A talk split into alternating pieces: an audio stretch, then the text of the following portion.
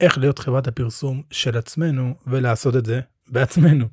אהלן, אני רועי זכאי משרה שרה, מי אגב שרוצה ליצור איתי קשר, יש כאן לינקים, היכן שאתם צורכים את הפודקאסט, אפל, ספוטיפיי, יוטיוב. היום אנחנו נדבר על איך לפרסם את עצמנו, כלומר, בדגש על לשלם, לשלם כסף עבור עצמנו, עבור השירותים שאנחנו עושים, עבור האומנות שאנחנו עושים, עבור המומחיות שלנו. לפעמים אנחנו יודעים מה אנחנו עושים, אבל העולם טרם, ובשביל זה בא הפרסום. יחד עם זאת, וזה הדגש של הפודקאסט, אנחנו נרצה לפרסם בחלק מהמקרים כשאנחנו במצב של time sensitive, כלומר, אנחנו רוצים להשיג לקוחות, אנחנו רוצים אה, להביא הכנסה בפרק זמן יחסית קצר. בשביל זה אנחנו משלמים, אנחנו נשלם אולי לאנשים, אנחנו נשלם אולי ישירות לפלטפורמות שבהן אנחנו נפרסם. עכשיו המפתח כאן זה שאנחנו צריכים לזכור שזה שאנחנו יכולים היום להגיע כמעט לכל אחד ואחת שאנחנו רוצים להגיע אליהם, כלומר קהל הלקוחות הרלוונטי שלנו, זה לא אומר שאנחנו צריכים אה, לשעוט לעברם בכל הכוח. למעשה בהרבה מהמקרים זה אומר שלא צריך לעשות את זה, אלא צריך לבנות איזושהי אסטרטגיה של פרסום. את הפודקאסט היום אני מחלק לשלושה חלקים. בחלק הראשון אנחנו נדבר על הדברים שאנחנו צריכים לקבל על עצמנו. לאחר מכן בחלק השני אנחנו נדבר על, ה, על הרמה היותר פרקטית. ובחלק השלישי נראה היכן אנחנו יכולים ללמוד את זה. כלומר, איך לעשות את זה. בסדר, אני מעוניין, אני מעוניינת לעשות את זה, אבל איך, אני, איך אנחנו עושים את זה. ובסוף אני ככה אתן לכם את הטיפ זהב, בוא נגיד ככה, כדי באמת להצליח היום בים הפרסומים והמפרסמים שקיים, ואם אנחנו רוצים להתבדל מאחרים ולא להיות עוד צליל ברעש האינסופי של עולם הפרסום והשיווק, שווה שנדע את זה. אז קודם כל, נתחיל מהחלק הראשון. מה אנחנו צריכים לקבל על עצמנו? וכן, אנחנו צריכים קודם כל להחליט ולהבין במה זה כרוך. דבר ראשון, שאנחנו צריכים לשלם מן הסתם. אם היינו עסק גדול, היינו משלמים לאנשי מקצוע חיצוניים, חברת פרסום, הם היו מגיעים, משקיעים את המשאבים שלהם, את הזמן, במידה ומצאנו אנשי מקצוע מקצועיים, טובים. דבר שני שאנחנו צריכים להשקיע זה זמן. אנחנו חייבים להחליט כמה זמן אנחנו הולכים להשקיע, מכיוון שהלו"ז שלנו כנראה כבר מלא, וזה אומר גם שאנחנו כן, אנחנו חייבים להשקיע זמן. אם זה יהיה אה, שעה ביום, אם זה יהיה חצי שעה, אבל אנחנו חייבים לשרן את הזמן הזה. הדבר השלישי שאנחנו צריכים להבין זה שאנחנו צריכים לתת פוקוס, להתפקס.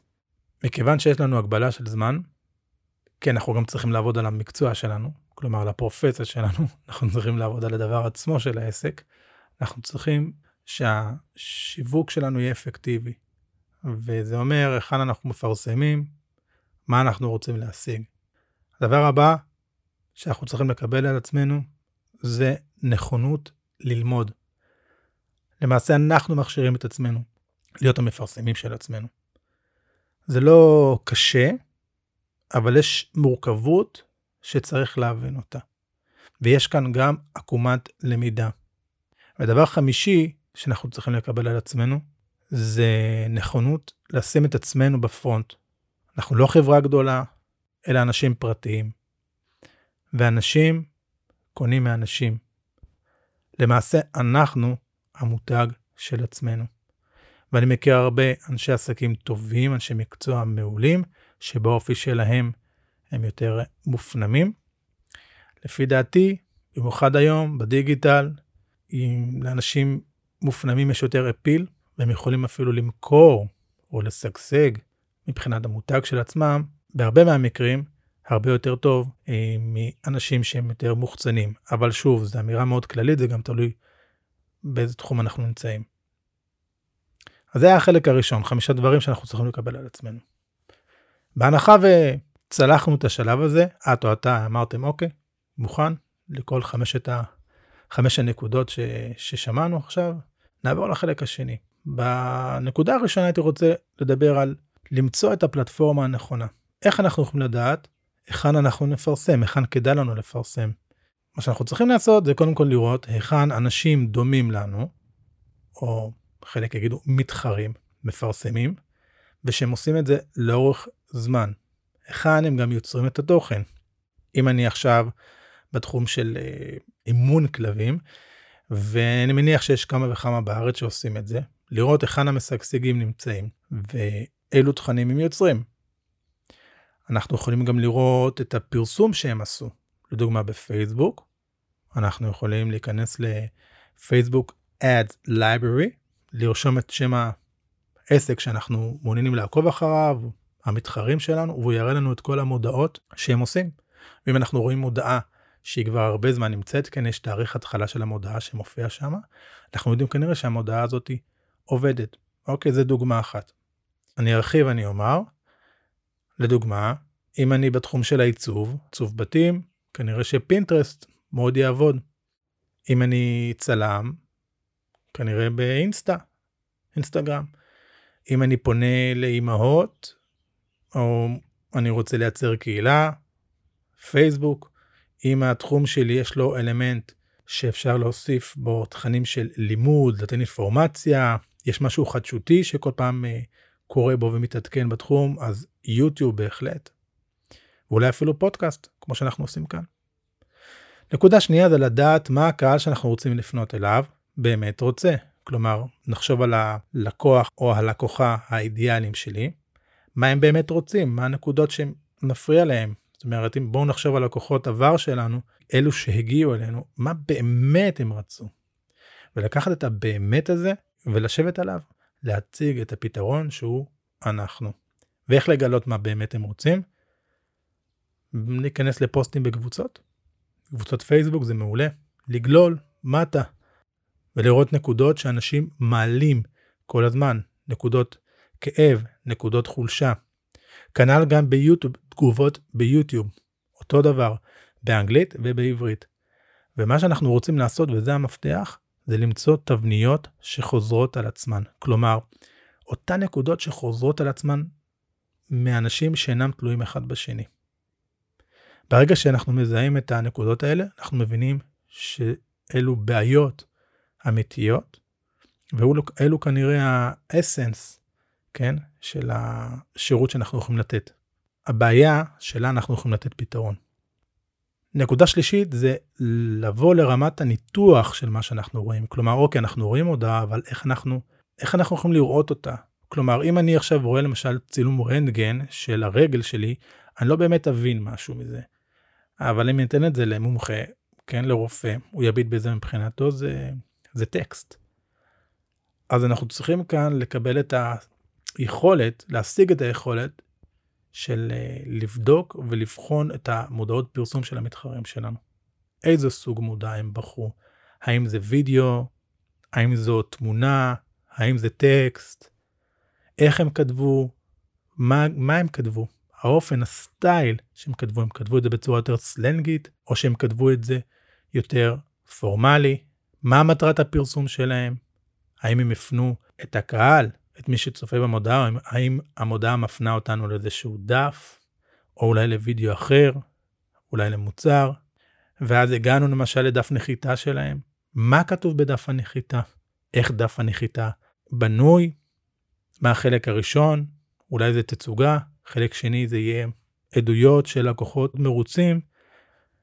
לאחר מכן תקליקו אולי איזו קובייה שמזמינה אותנו להשאיר פרטים, להסתכל על הדברים האלה. ונקודה הבאה זה אולי הכי חשוב, לקחת את הדברים שאנחנו מניחים שעובדים ולסגל את זה לשפה האישית שלנו. וכאן אני מדבר על אותנטיות, כי כל אחד מאיתנו הוא חד פעמי ותופעה ייחודית בעולם הזה, ואני חושב שזה הדבר היפה. לקחת את העקרונות של מה שראינו שעובדים אצל אחרים, ולהביא אלינו, לעשות את זה בשפה שלנו. עכשיו בחלק השלישי, היכן אנחנו יכולים ללמוד את זה? איך עושים את זה? אז קודם כל, זה אולי נשמע די פשוט, אנחנו נחפש לרוב באנגלית ונעשה את זה ביוטיוב. למה באנגלית? מכיוון שבאנגלית יש טונות של חומר בכל נושא, בכל נושא. זה מנוע החיפוש הגדול ביותר לאחר גוגל. שם יש לנו וידאוים, פשוט שיעורים חינמים של אנשי מקצוע מה שאנחנו צריכים לדעת, איך להקיש, כלומר לשאול את השאלה הנכונה, לשאול אותה באנגלית. אתם יודעים מה? שימו ב Google Translate, תראו איך זה באנגלית. שימו את זה ביוטיוב, ויוטיוב האלגוריתם שלו כל כך, כל כך חד, שהוא יודע גם למה אתם מתכוונים, ולהתחיל לראות. לאחר כמה וידאו אתם תמצאו, תמצאו את הערוצים באמת הטובים המובילים בכל תחום, ושם לצפות ולראות. לדוגמה, איך לפרסם בפייסבוק, איך לעשות קמפיין, על מה דיברנו? על, אה, על אה, עיצוב פנים נגיד? אוקיי, אז איך לפרסם את עצמי כמעצבת פנים. וכמובן יש תוצאות מדהימות אפילו יותר רחבות גם בגוגל עצמו. כלומר אנחנו נגיע לבלוגים שמדברים על זה. דוגמה שנייה אפשר להירשם לסדנה שיש כאן בארץ בתחום שלנו. הייתי נמנע וכאן זה, זה, זה נקודה מאוד חשובה הנה אזהרה. הייתי נמנע משלם סכומים סכומי עתק. כלומר מכיוון שזה שיווק ומכיוון שמדובר ב... בעסק אז יש לנו הרבה פעמים נטייה נכונות לשים המון כסף ולא תמיד על מוצר או שירות או סדנה שבאמת מביאים לנו את ההשקעה הזאת של הכספית חזרה. למה? כי בהרבה מהמקרים הסדנאות האלה הן סדנאות גנריות.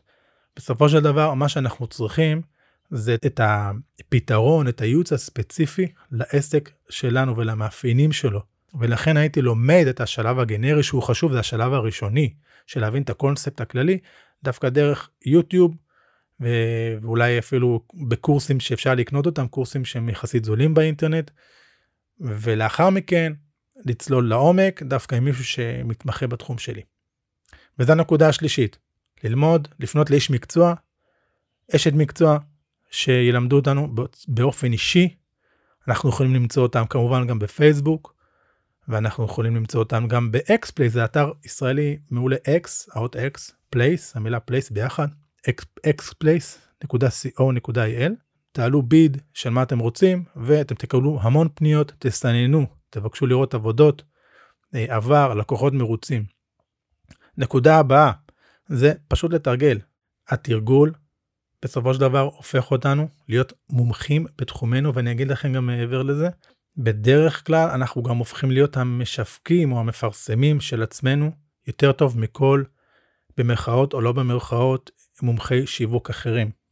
כי אנחנו ככה מכירים הכי טוב את האנשים שלנו, את השפה, את הז'רגון, את הבעיות שלהם, ואם אנחנו מביאים את האותנטיות שלנו ומשלבים אותה ביחד עם uh, לימוד של טכניקה שאנחנו טכנית כבר יודעים איך לעשות את הפרסום, אז יש כאן משהו שהוא עובד מאוד חזק ומאוד אפקטיבי.